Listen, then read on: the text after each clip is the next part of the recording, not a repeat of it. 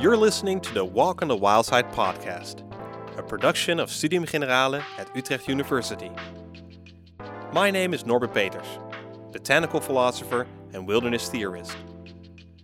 I'll be taking you on a walking tour through Utrecht to get you acquainted with the city's wild side. Are you ready?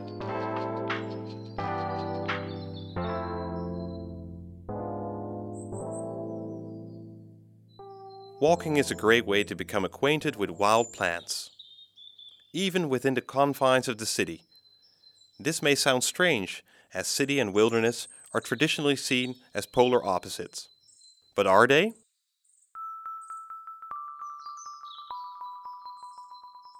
Before we dive into that question, let's take a closer look at the phenomenon of walking.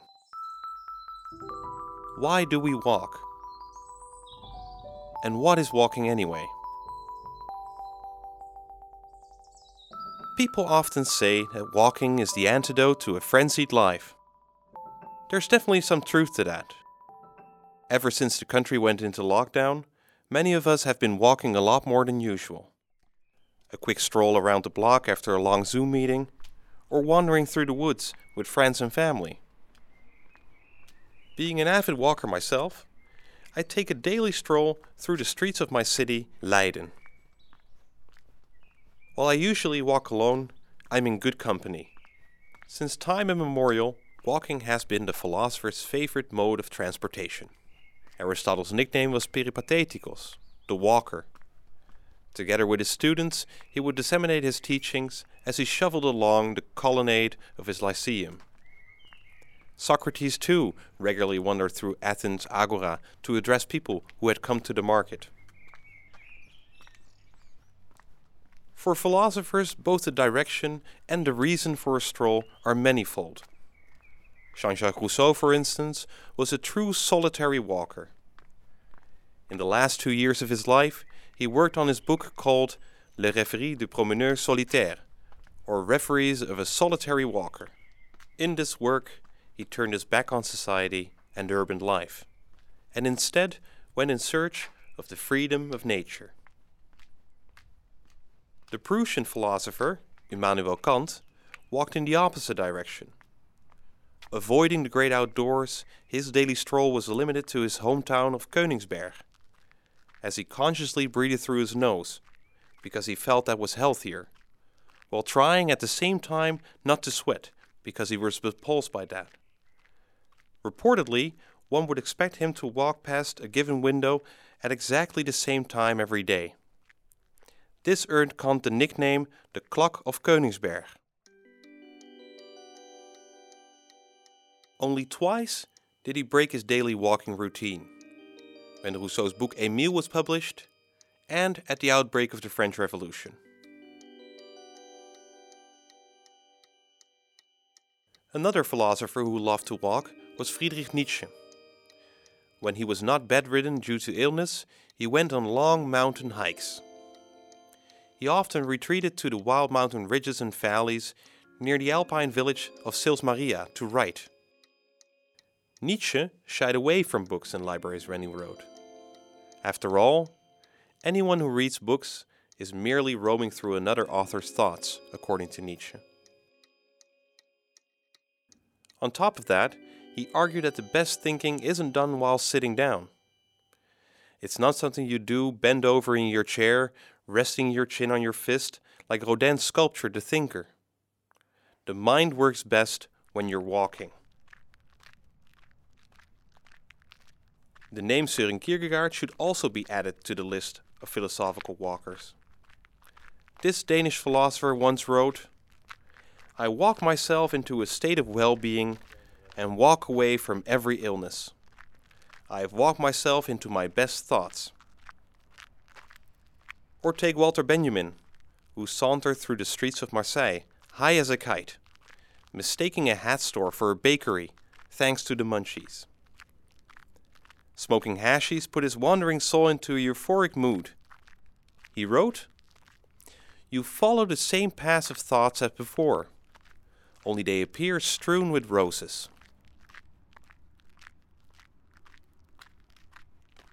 Philosophers are not the only ones filled with wanderlust. the famous British biologist Charles Darwin couldn't get enough either. Every day, Darwin and his dog walked five times around his estate and down, while he quietly mused on his findings. After each lap, he kicked away a small rock that he had lined up at the start of his think path, so as not to lose count. And his children sometimes played tricks on him by adding or removing rocks. How do you like to walk, dear listener? Do you walk with a quick stride? Or do you prefer a relaxed stroll? Do you always leave the house with some essentials? Or do you prefer to wander around empty handed? And where do you like to walk to or from?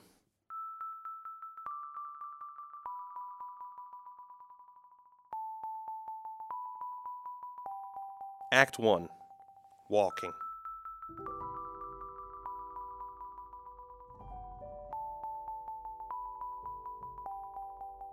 As you just heard, philosophy has a long tradition of walking.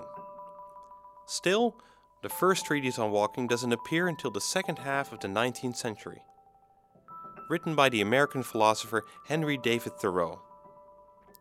Funny enough, he is not known as a walking pioneer per se. He's mainly known for building a small cabin on the shore of Walden Pond, where he lived for two years, just outside his hometown of Concord. He is also known for his essay on civil disobedience, that would later on inspire Gandhi, Martin Luther King Jr., and many other champions of nonviolent resistance. Still, Thoreau is the ultimate walking hero. In his essay, Walking, he tells us that he saunters for three to five hours a day, which adds an unconventional and contrarian touch to his persona. During Thoreau's lifetime, new means of transportation emerged. While people increasingly traveled by steam train or boat, Thoreau went back to basics. Yet he didn't consider walking old fashioned. He says that taking the train isn't a faster way to travel from A to B than walking. That sounds implausible. But Thoreau said that the time it takes to earn the money to buy a train ticket is never included in the calculation. Suppose a train ticket from Concord to Boston is a day's pay. In that case, traveling by train isn't faster at all. The train ride itself may only take an hour, but you should add to that the hours you work to get on that train. So Thoreau was asking which way is really faster? Still, this isn't to say that Thoreau aimed for efficiency during his walks. Quite the contrary, he avoided it at all costs.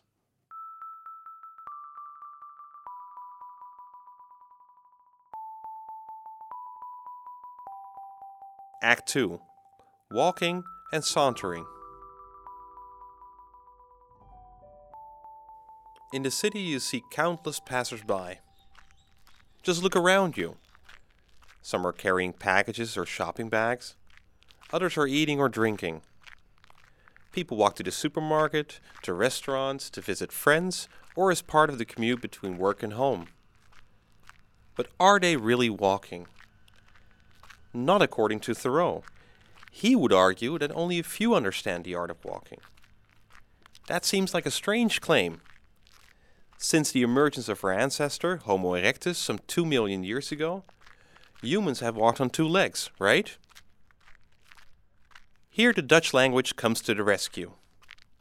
The English word walking can be translated in at least two ways as lopen or wandelen. The first is similar to the English loop, to walk or run with a long bounding stride. And the second is closer to wander, to walk or move in an aimless or leisurely way. In his book De Eerste Wandelaar, author Flip van Doorn argues that lopen is very different from wandelen. He writes, According to the dictionary, lopen is first and foremost moving quickly on one's legs. Lopen is functional, purposeful, the shortest route from A to B, the straight line. Lopen is the kind of walking we do when we want to get somewhere, when we want to achieve something. Wandelen, on the other hand, is not a means to get anywhere, but an end in itself. Well, Thoreau also wanders for the sake of wandering. According to him, this type of walking is the best way to break free from the shackles of society, which permeate our daily activities. In his essay Walking, he laments how industrialization and bureaucratization seem to diminish our ability to walk. Unbridled capitalism cuffs clerks to their office cubicles and forces artisans to spend days with their legs crossed. Thoreau claims that he can't stay in a room for a day without starting to rust. Then he jokes dryly how these workers deserve our praise for not having ended their lives yet. Still, Thoreau doesn't define walking as aimless drifting. Aspiring walkers should meet high standards. He says, and I quote, If you are ready to leave your father and mother, and brother and sister, and wife and child and friends, and never see them again, if you've paid your debts, and you made your will, and settled all your affairs, and are a free man, then you're ready for a walk. Whether Thoreau himself met this set of requirements remains to be seen. He wasn't your run of the mill cosmopolitan wandering the world with his knapsack. Quite the contrary. He crossed the national border into Canada only once in his life, and all the trips he made beyond his hometown of Concord can be counted on one hand. That's why he called himself a cowardly wanderer. No matter how far Thoreau walked, after some time, he was always homeward bound. As a walker, Thoreau described himself as a boundary stepper. Walking allowed him to meander between culture and nature, between city and the hinterland. In the Netherlands of today, this would be particularly difficult.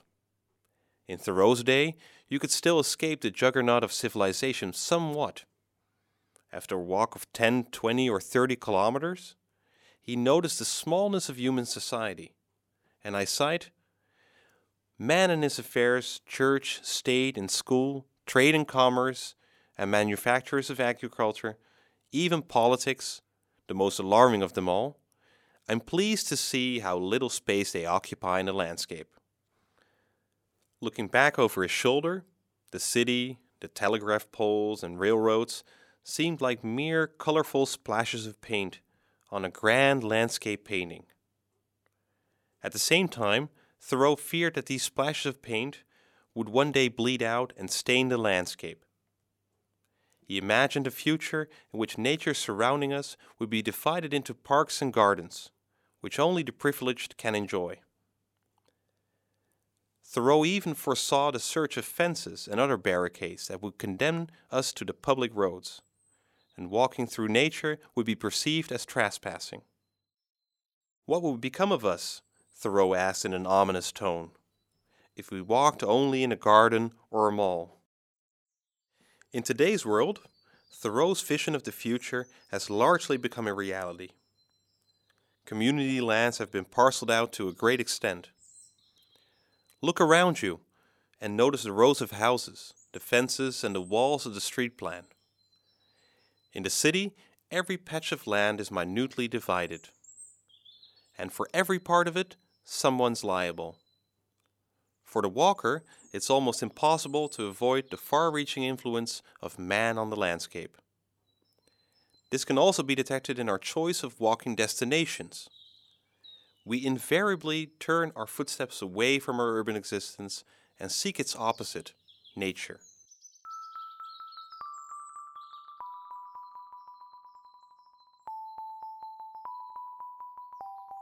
Act 3 The Park.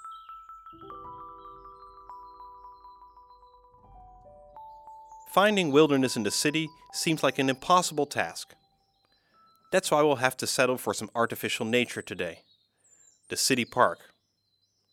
In the 19th century, the Netherlands rapidly developed into a more industrial and urbanized nation. For many parts of the city, the consequences were predictable. Litter, canals filled with feces, packed homes, and crammed basement dwellings. As a result, an increasingly loud call for public greenery grew amongst city dwellers. Thoreau shared this wish for public parks. In his posthumously published essay Huckleberries, he wrote, I think each town should have a park, or rather, a primitive forest of 500 or 1,000 acres, either in one body or several, where a stick should not be cut for fuel, nor for the navy, nor to make wagons, but stand and decay for higher uses. A common possession forever, for instruction and recreation. In the 19th century, public city parks began to spring up like mushrooms.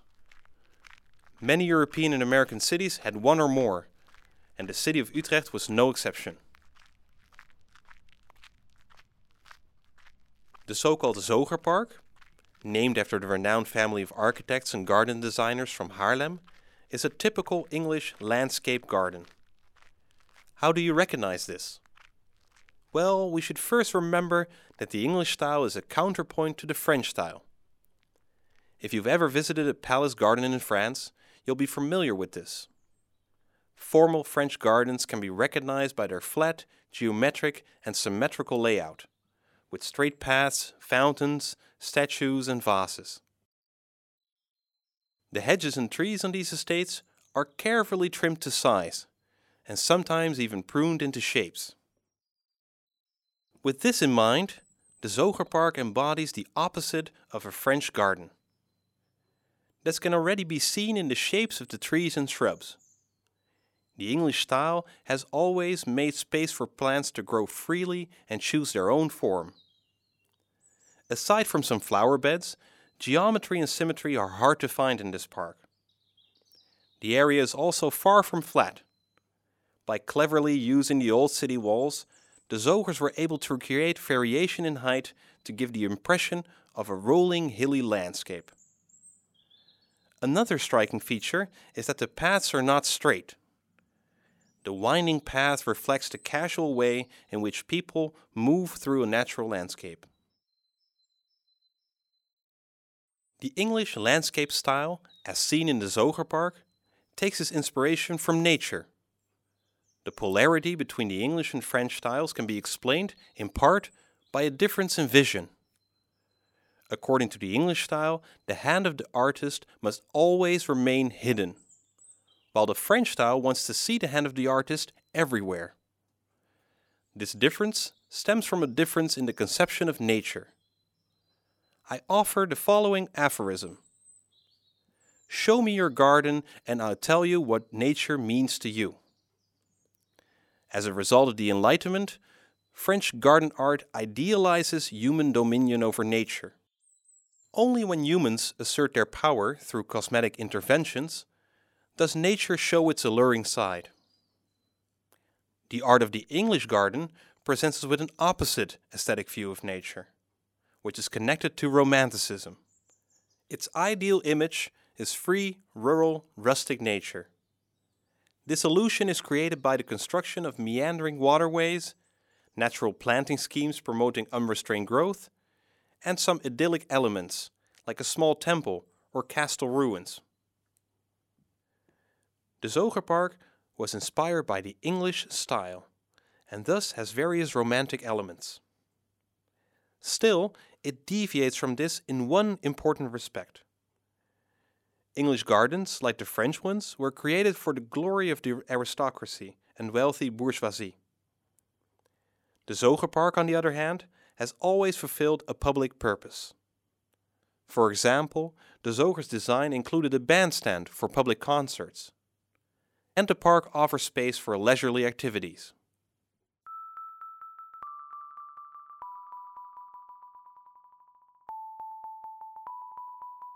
Act 4 The Botanical Garden.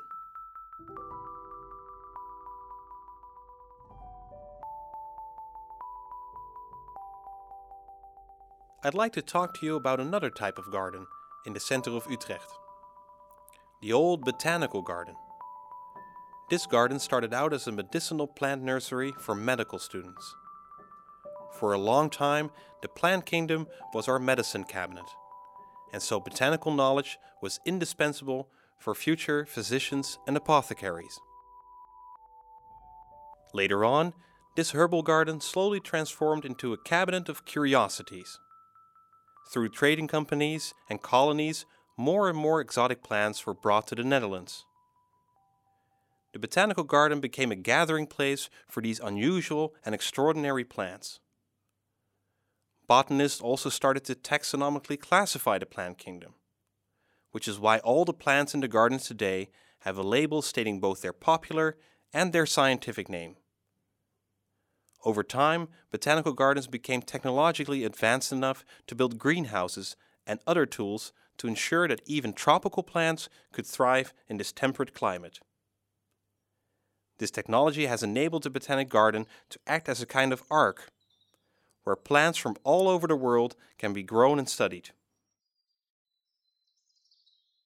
From this perspective, the Botanical Garden has a strong connection to the wilderness.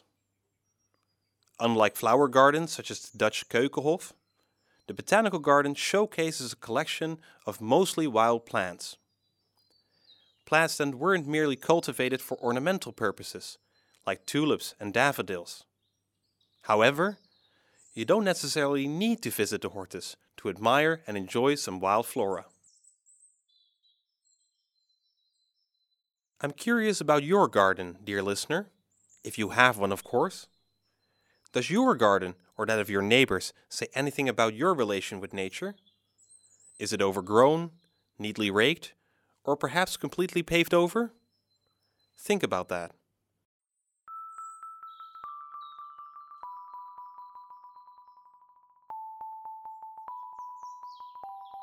Act 5 City Flora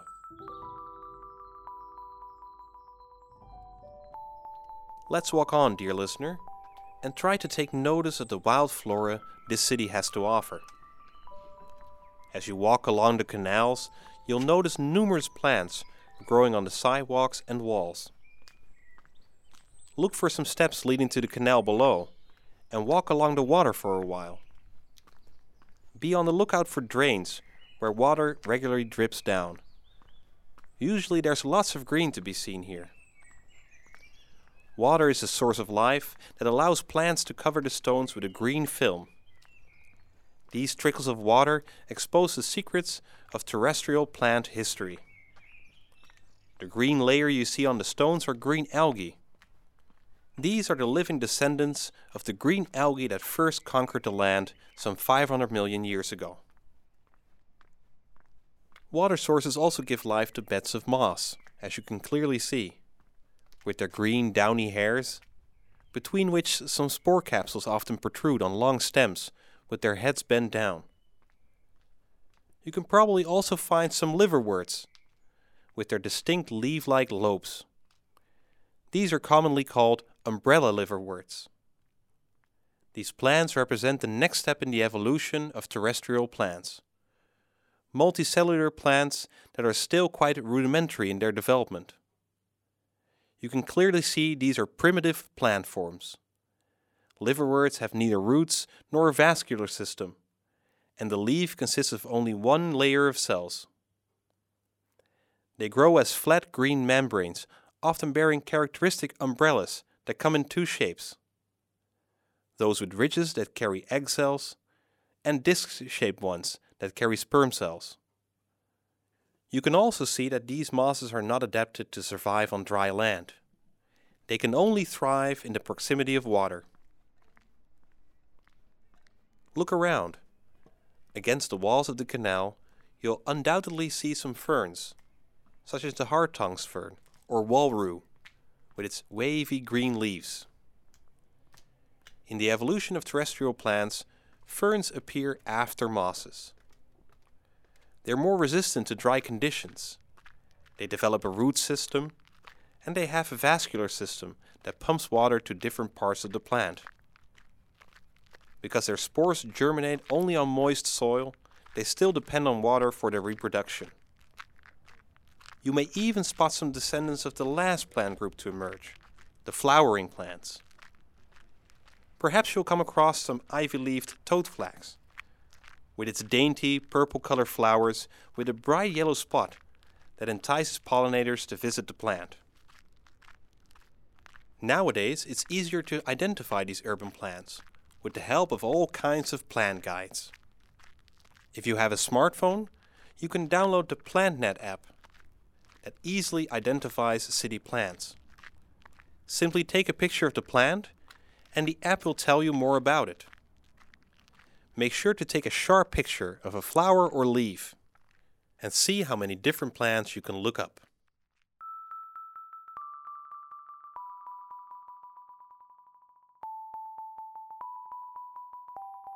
Act 6 City Wilderness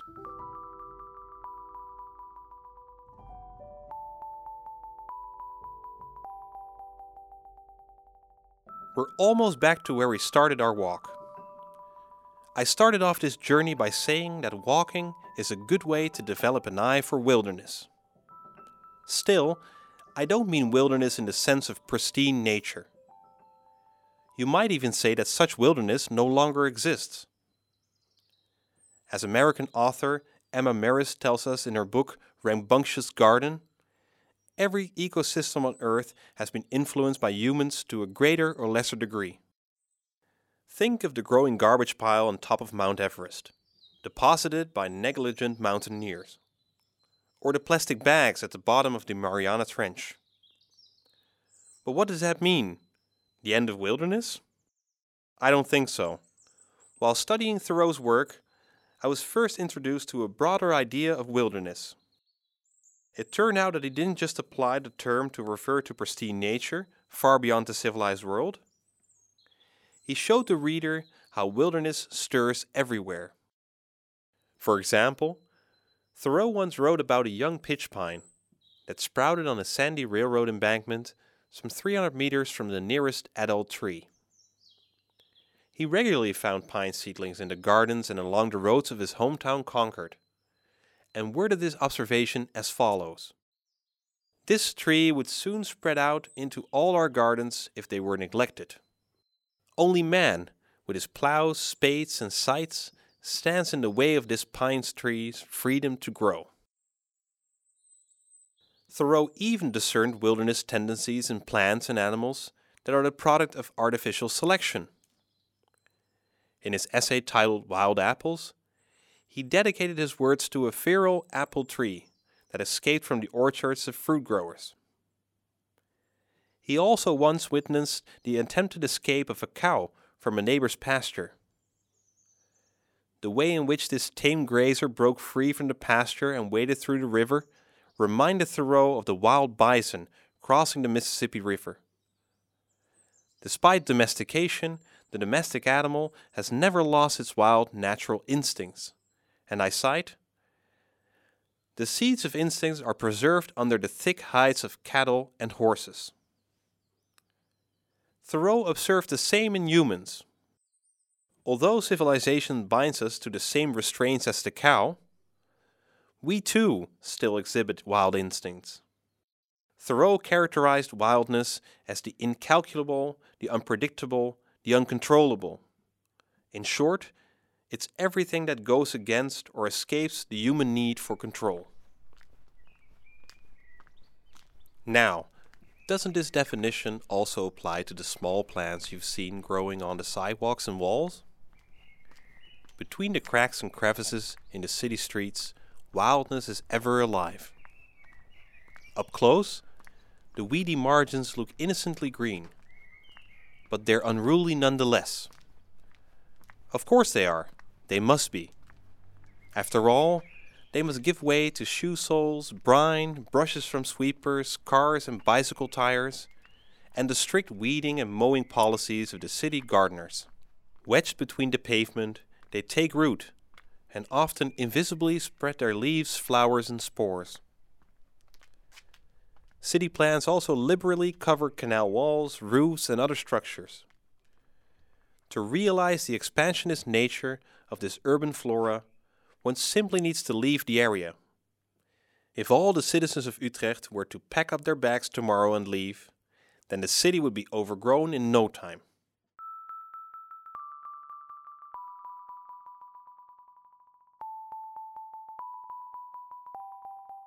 Dear listener, I sincerely hope you'll continue to enjoy wandering with all your heart. Hopefully, in doing so, you'll learn to slow down and develop an eye and a reference for the wealth that wild flora and fauna have to offer in your city. As Walt Whitman wrote in his poem Song of the Open Road, afoot and light-hearted I take the open road. Healthy, free, the world before me. The long brown path before me, leading wherever I choose.